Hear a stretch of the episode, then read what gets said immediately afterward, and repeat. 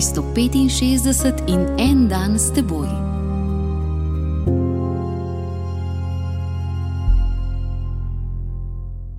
Tisti dan bom za nje sklenil zavezo z živalmi polja, s pticami neba in z laznino zemlje, in dal, da bodo varno počivali.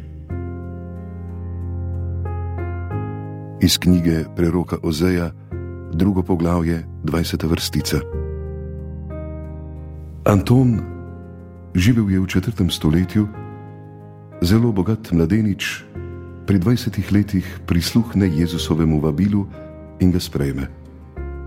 Prodal vse in se umaknil v puščavo. Zaradi pristnega odnosa do stvarstva in stvarnikom živi v popolni harmoniji z ljudmi, živalmi in stvarmi.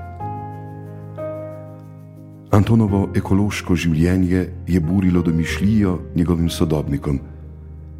Številne legende pripovedujejo o njem, kako se je znal pogovarjati z živalmi in zato je še danes znan kot zaščitnik živali. Danes vsi sanjajo o ekologiji, ki pa ostaja le lepe sanje.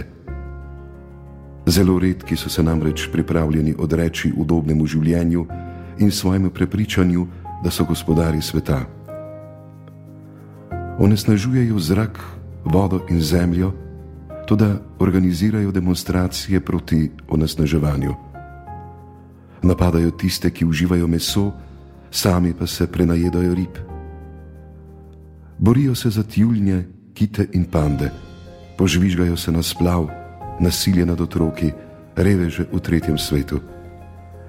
Radi imajo volkove, pse, mačke in kače, ne marajo pa kmetov, pastirjev in svojih sosedov. Ekologijo v polnem pomenu besede bomo imeli šele na novi zemlji, ob koncu časov. Že vnaprej pa lahko naredimo kaj za to s pogumnimi življenjskimi odločitvami, ne s čvekanjem.